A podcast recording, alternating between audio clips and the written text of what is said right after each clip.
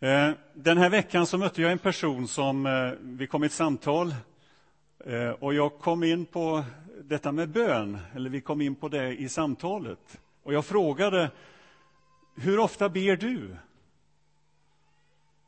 Och hon svarade, jag ber så gott som varje dag. Men jag går aldrig i kyrkan. Jag kallar mig inte för kristen. Men jag ber så gott som varje dag. Vad ber du om då, frågar jag. Om allt. Allt möjligt. Allt som kan möta mig i livet. Jag ber för mina barn, för min familj. Jag ber för situationer som jag ställs inför. Och eh, jag tror att vi alla kan på något sätt identifiera oss med henne. Jag tror vi är bedjare allihop.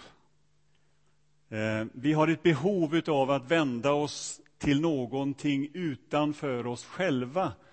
Någonting som är större än mig själv och min lilla värld.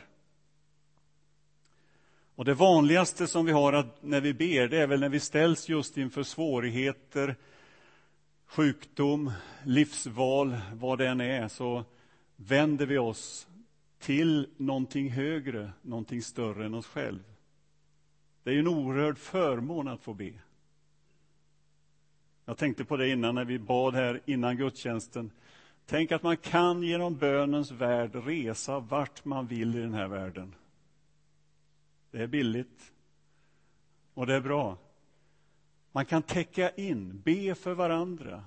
Och det finns många, många berättelser om hur bönen har fungerat på det sättet att någon har bett i en del av världen för någon annan på något helt annat ställe.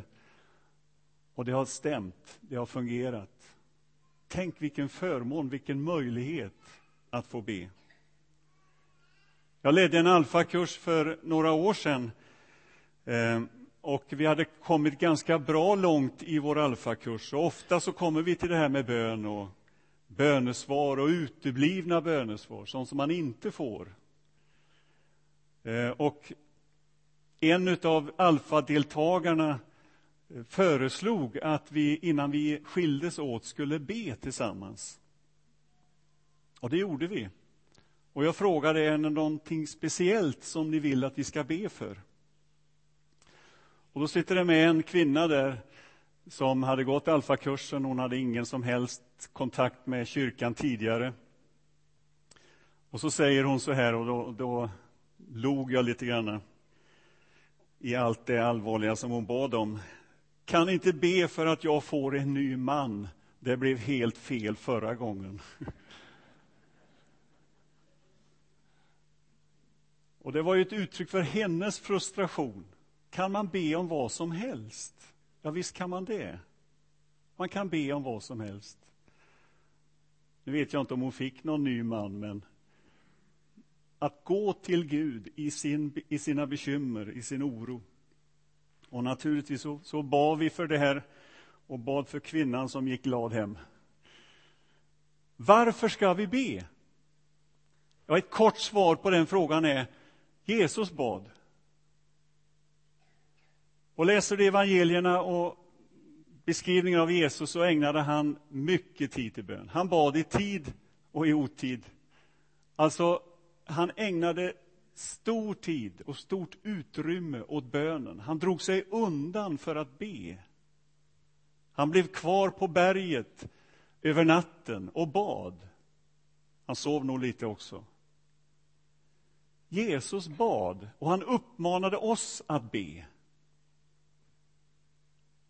Vad är bön?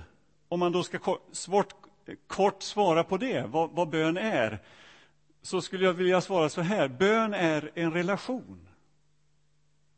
Att han bjuder oss in i en gemenskap, i ett samarbete.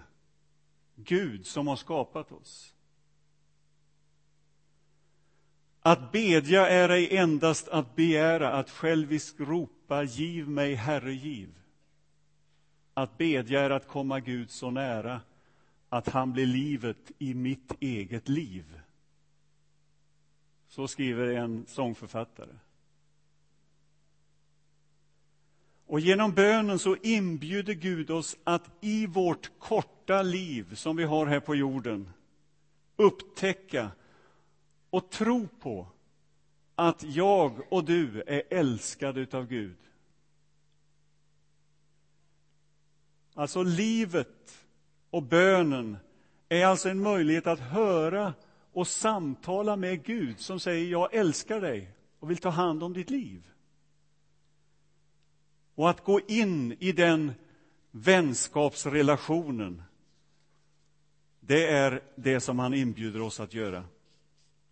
I Johannes 3 och 16 står det så älskade Gud världen att han utgav sin enda son. Alltså det är utgångspunkten för vad bön är. Och världen i det här fallet är alla människor, alla ni som är här. Alla de som finns. Gud älskar människan, söker oss. Och över oss alla hörs egentligen orden Du är min älskade son, min älskade dotter. Och det ropet har hörts, inte bara nu, utan har hörts från långt innan vi var födda. Och det här övergår ju vårt förstånd. Att Gud har en kärlek till alla människor redan innan de finns. Och det har slagit mig med kraft den här veckan då jag har fått mitt fjärde barnbarn. Jag tänkte på hur ska jag få in detta i predikan? Att jag har fått ett fjärde barnbarn, men det får jag ju nu. Lilla Alma har kommit till världen. Och när jag har pratat med dem så säger de att hon ska heta Alma. Ja, det är självklart. Vad skulle hon annars kunna heta? Och hon är älskad av Gud långt redan innan hon var född. Du såg mig när jag ännu knappast var formad, säger psalmisten. Du visste om mig. Du kände mig. Nu ska jag ge mig på någonting. Jag bad om extra förbön idag för att, eh, att rita på den här tavlan. Eh, om man tänker sig att detta är Guds tid begynnelsen och änden, alltså hela evigheten. Allting som finns ryms ju då på den här linjen. Och här finns Guds kärlek.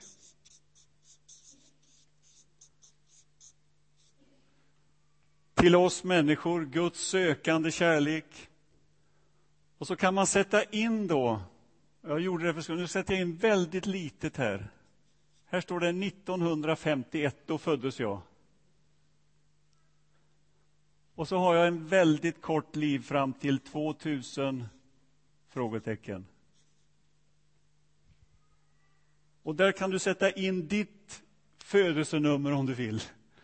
Alltså, Guds kärlek har funnits här hela tiden och söker mig. Pockar på uppmärksamheten, längtar efter att få denna kärlek besvarad. Och det är där som bönen kommer in. Och all den, allt detta bedjande som finns bland så många människor är ju ett uttryck för denna Guds sökande kärlek, hur han lockar människor. Han tvingar sig aldrig på.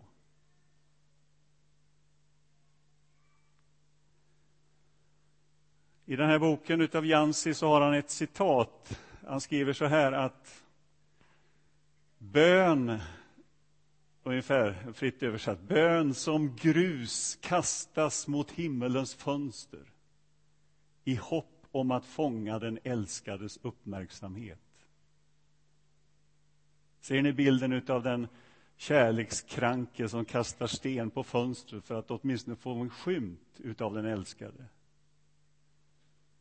Och det är bönen som liksom kastas ut mot denne Gud som söker oss, som längtar efter oss. Bönen sker mellan fyra ytterligheter. Och det första ytterligheten, det är att bön är en gåva. Ser ni uppe på läktaren nu? Ingenting. Det tror jag att jag kan säga det då. Där står det gåva. Bön är en gåva. Alltså att Gud har gett oss denna möjlighet. Och jag minns vilken befrielse det var för mig i mitt böneliv att upptäcka just den bibelvers som vi ofta läser i samband med vår nattvard. Och då kan vi slå upp den bibelversen. Uppenbarelseboken kapitel 3 och 20.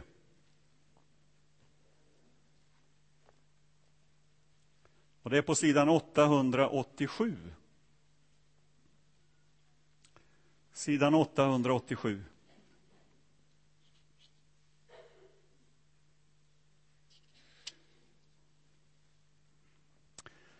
Där säger Jesus till församlingen i Laodikea. Se, jag står vid dörren och bultar. Om någon hör min röst och öppnar dörren ska jag gå in till honom och äta med honom och han med mig. Alltså, bön är Guds bankningar, bultningar på dörren och vill komma in till oss. Och så får vi trycka ner handtaget och öppna och ta emot honom. Och vilken befrielse det var för mig att upptäcka det, att bön är en gåva. En oerhört rik gåva, den kanske allra finaste gåva vi har fått. Att Gud vill hålla gemenskap, hålla måltid med oss. Han vill dela våra liv fullt ut. Han erbjuder oss en dialog med honom som har skapat oss. Se, jag står för dörren och bultar. Gud inbjuder till gemenskap. Och vi är alla skapade till Guds avbild. Han vill liksom ta fram denna bild i oss. Han vill att vi ska bli ett med honom. Jag läste en berättelse om en skulptör som höll på med ett jättestort marmorblock och arbetade på det. Och en liten pojke kom dit och såg hur han arbetade. Och han ser hur bitar faller till höger och till vänster om det här stora marmorblocket, men han förstår inte vad det handlar om. Han går därifrån, kommer tillbaka om några dagar och så ser han att där som marmorblocket stod när han var där förra gången så fanns det nu ett stort, kraftigt lejon på den platsen. Och så frågar han skulptören, hur visste du att det fanns ett lejon där inne? Och han svarar, jo, jag såg bilden här inne. Och bilden här inne kände igen bilden inne i marmorblocket. Så det var ju inte svårt att ta fram det, det var bara att ta bort det som inte behövdes, som inte skulle vara där. Se, jag står vid dörren och bultar. Alltså, Gud vill skapa oss, forma oss till sina avbilder i Kristus Jesus. Han vill få fram denna bild i oss och därför så inbjuder han oss till bön. Bön är en gåva. Den andra ytterligheten här är att bön är ett arbete.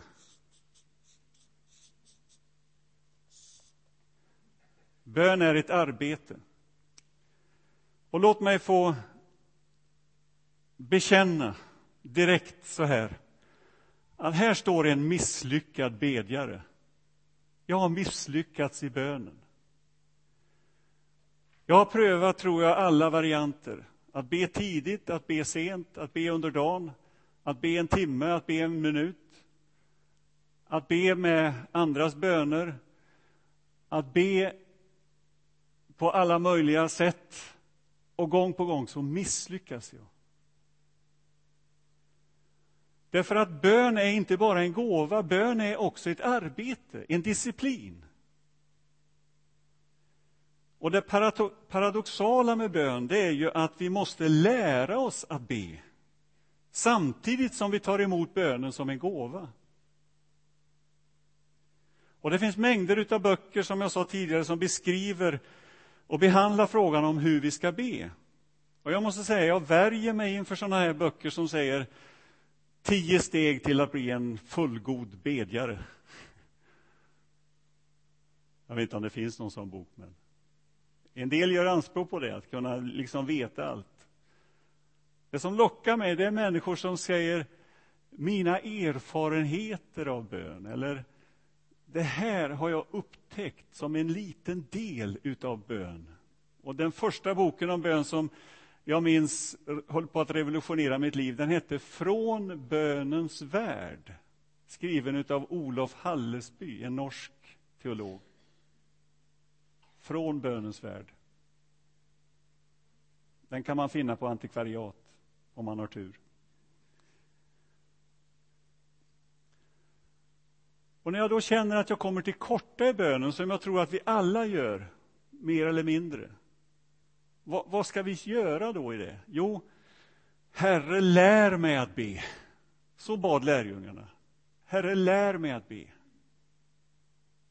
Och Jesus ger oss några enkla råd, men ack så svåra när det gäller att eh, arbeta med bönen. Och låt oss gå till Matteus evangeliet.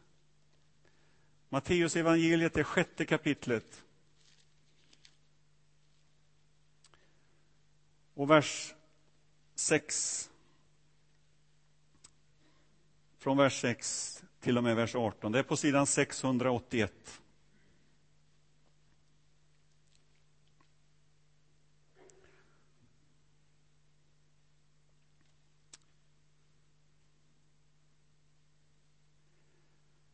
När du ber, lägg märke till vad Jesus säger, när du ber, inte om du ber, utan när du ber.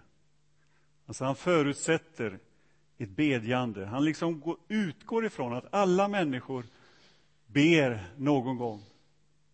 När du ber, gå in i din kammare, stäng dörren och be sen, sen till din far som är i det fördolda. Alltså, sök upp en avskild plats. Och frågan till oss idag kan ju vara denna. Hur ser min och din kammare ut? Har du en sån? Och Det betyder kanske inte i första hand att du söker upp en, en, en kyrka eller en, en, ett särskilt rum som du har. Men har du en, en, en möjlighet, en, en tid, en plats där du känner här kan jag be. Se till så att du har en kammare och använd din fantasi till att inreda den kammaren. Alltså att du tar dig tid för bönen. Gå in i din kammare. Och när ni ber ska ni inte rabbla tomma ord som hedningarna. De tror att de ska bli bönhörda för de många ordens skull. Alltså, det är inte orden som det handlar om i första hand. Hur, hur vackert, hur fint, hur, hur bra formulerad du är. Utan det är hjärtats bön. Det som ligger närmast ditt hjärta. Ni vet när man möter en en väldigt nära vän så behövs det inga vad ska vi säga, tomma fraser för att liksom komma igång. Man är där direkt. Man behöver inte prata om vädret och vinden och temperaturen och sånt där innan. Man är, man är igång direkt på, med den här nära vänskapen. Och till den inbjuder oss Gud i bönen. Att be, att inte rabbla tomma ord, utan komma, Herre, här är jag. Förbarma dig över mig, som vi sjöng alldeles nyss.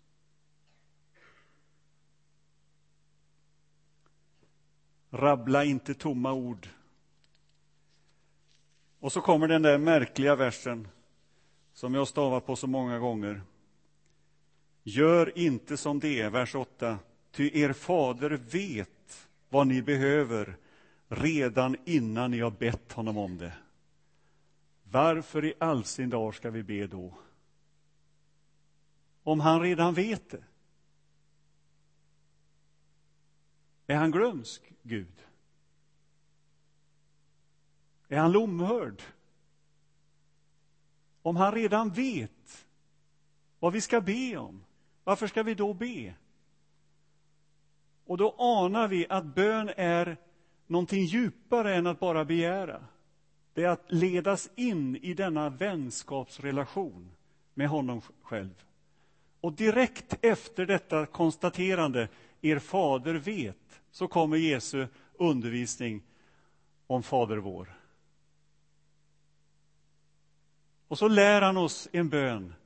En bön som innefattar alla livets skeden. Alla väderstreck. Allt vad lodrätt heter, allt vad vågrätt heter.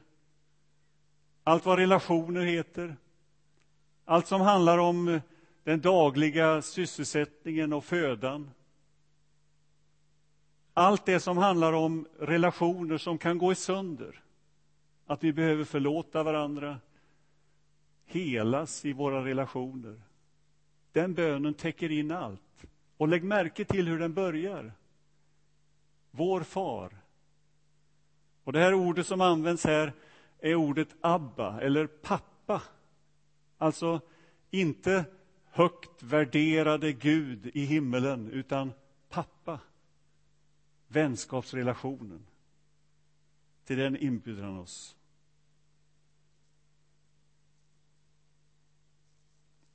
Jag kan aldrig tvinga Gud in i ett förhållande. Gud kommer till oss av eget initiativ.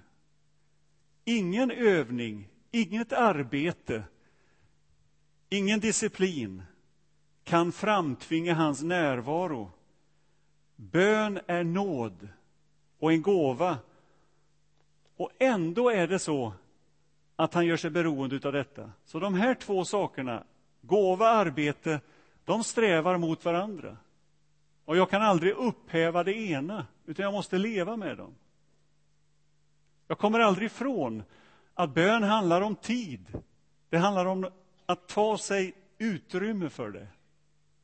Det är en disciplin som han inbjuder oss att, eh, att gå in i. Och detta att komma till Gud, det är ju det som är arbetet och disciplinen i bönen. Sen om vi tittar på andra hållet så är bön närvaro.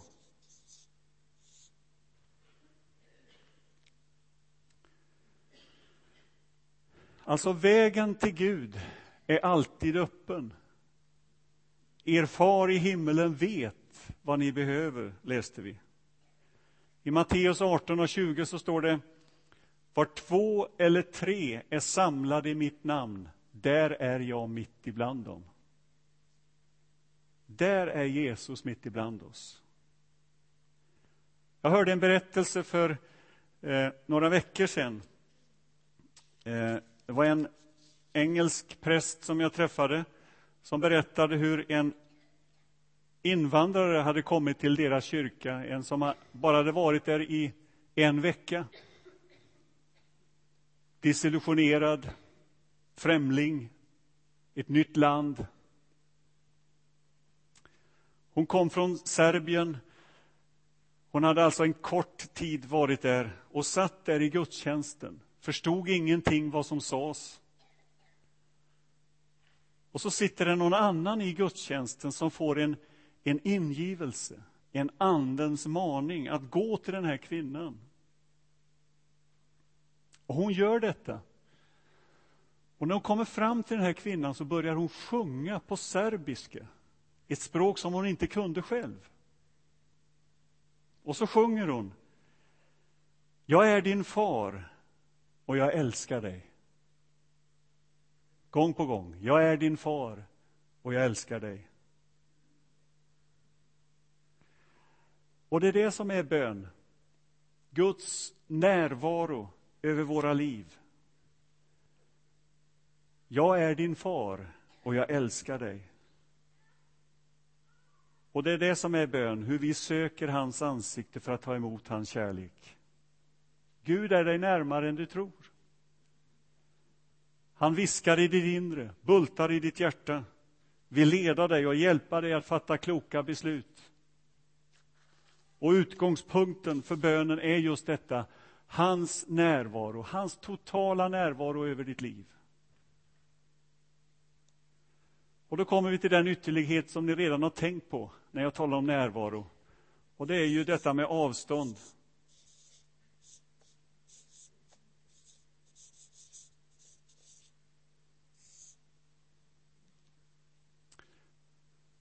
Alltså den upplevelse som jag tror vi alla har känt. Gud, var är du någonstans? Jag känner inte det som vi talade om här. Jag upplever inte att du är nära. Mina böner går till taket om det är bra. Det verkar som att du har glömt mig. Och när Jesus hängde på korset så bad han en bön som finns i Saltaren, den 22, 22 salmen i Saltaren. Låt oss slå upp den. Psalm 22, på sidan 392.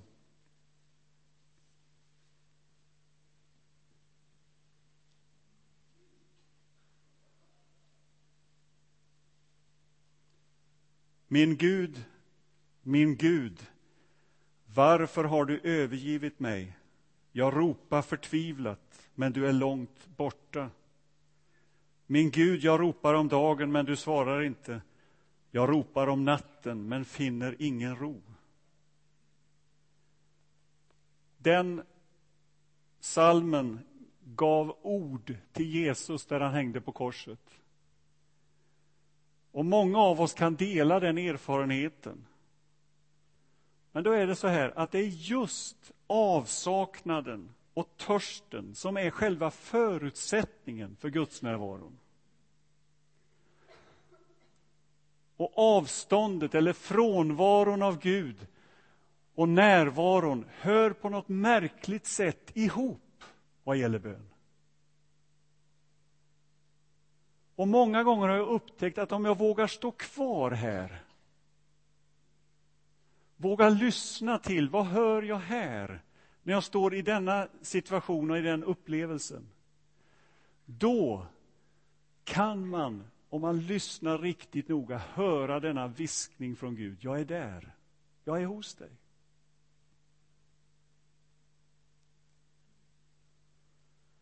För min längtan, min upplevelse av frånvaro har nämligen sin upp upplevelse eller sin upprinnelse i Guds sökande efter mig. Och vi frestas, och nu talar jag utifrån egna erfarenheter, vi frestas, och jag frestas att söka snabba lösningar av Guds närvaro som tecken och känsloupplevelser. O, om Gud kunde visa sig så här, en ängel eller tydligt då skulle världen tro, då skulle allt liksom förändras. Jag är inte säker på det. Utan Gud söker oss. Han vill att vi ska besvara hans kärlek,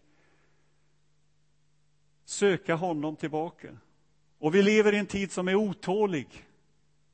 Vi önskar snabba lösningarna, de snabba lösningarna och i sådana tider så är det extra svårt att finnas i själva väntandet.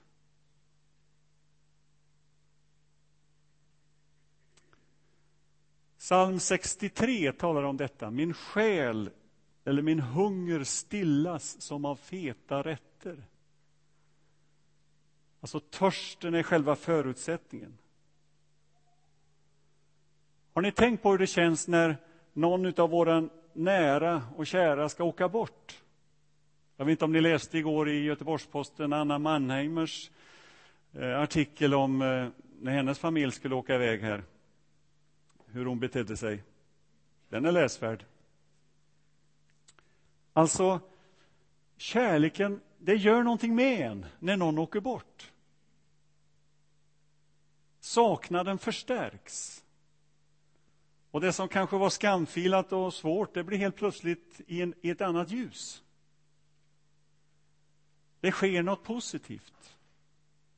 Vi ser den vi älskar, de, de som står nära, vi ser dem i drömmen, i bilden. Vi längtar. Och här anar vi att det finns ett samband mellan närvaron och saknaden eller avståndet. Och tänk om det är så att du som nu, just nu känner att Gud är mig så långt, så långt borta som någonsin går att tänkas. Att han är dig som allra, allra närmast. Att han står vid din sida, att han söker dig. Att han törstar och längtar efter dig och efter din, ditt gensvar.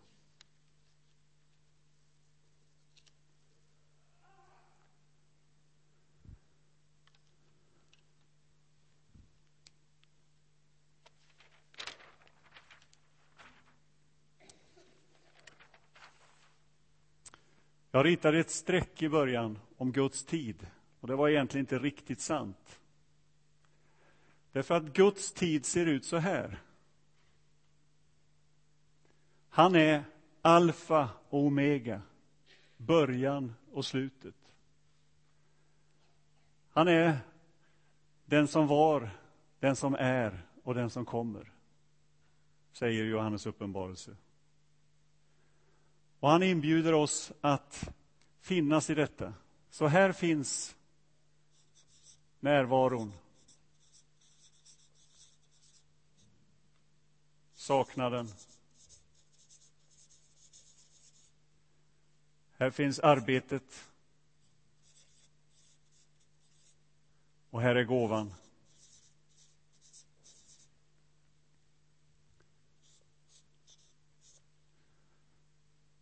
Och alltihop sker, bönen sker innanför denna Guds totala närvaro, Guds totala omsorg om den här världen, om alla människor. Tiden, historien är inte överlämnad och utlämnad åt kaosmakter. Gud håller den här världen i sina händer. Gud ser oss och känner oss. Och mitt sökande, mitt arbete, den närvaro jag upplever, att bönen är en gåva, allt det sker inom hans mäktiga armar och omsorg.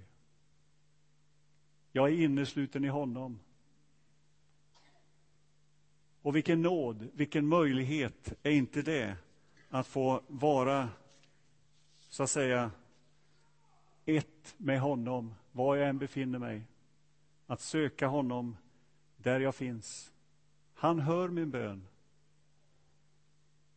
Han längtar efter mig och han längtar efter dig att få dela ditt liv och din gemenskap. Och jag vet inte var du står någonstans i den här ringen. Men var du än finns någonstans så är du innanför den. Om du kanske just nu känner det här mörkret och tvivlen och svårigheterna, saknaden, törsten som allra starkast. Gud är oss nära. Och när vi om en stund ska dela nattvarden här så är det ett uttryck för hans närvaro. Gör detta till minne av mig, alltså inte bara att vi minns honom som han var en gång, utan att han är närvarande när vi delar brödet och vinet. Och på något sätt så är det viktigt, tror jag, och för egen del har det varit mig till hjälp att inte bara se bönen nerifrån, ifrån min position, utan se bönen uppifrån, från Guds horisont. Hur ser han på mig?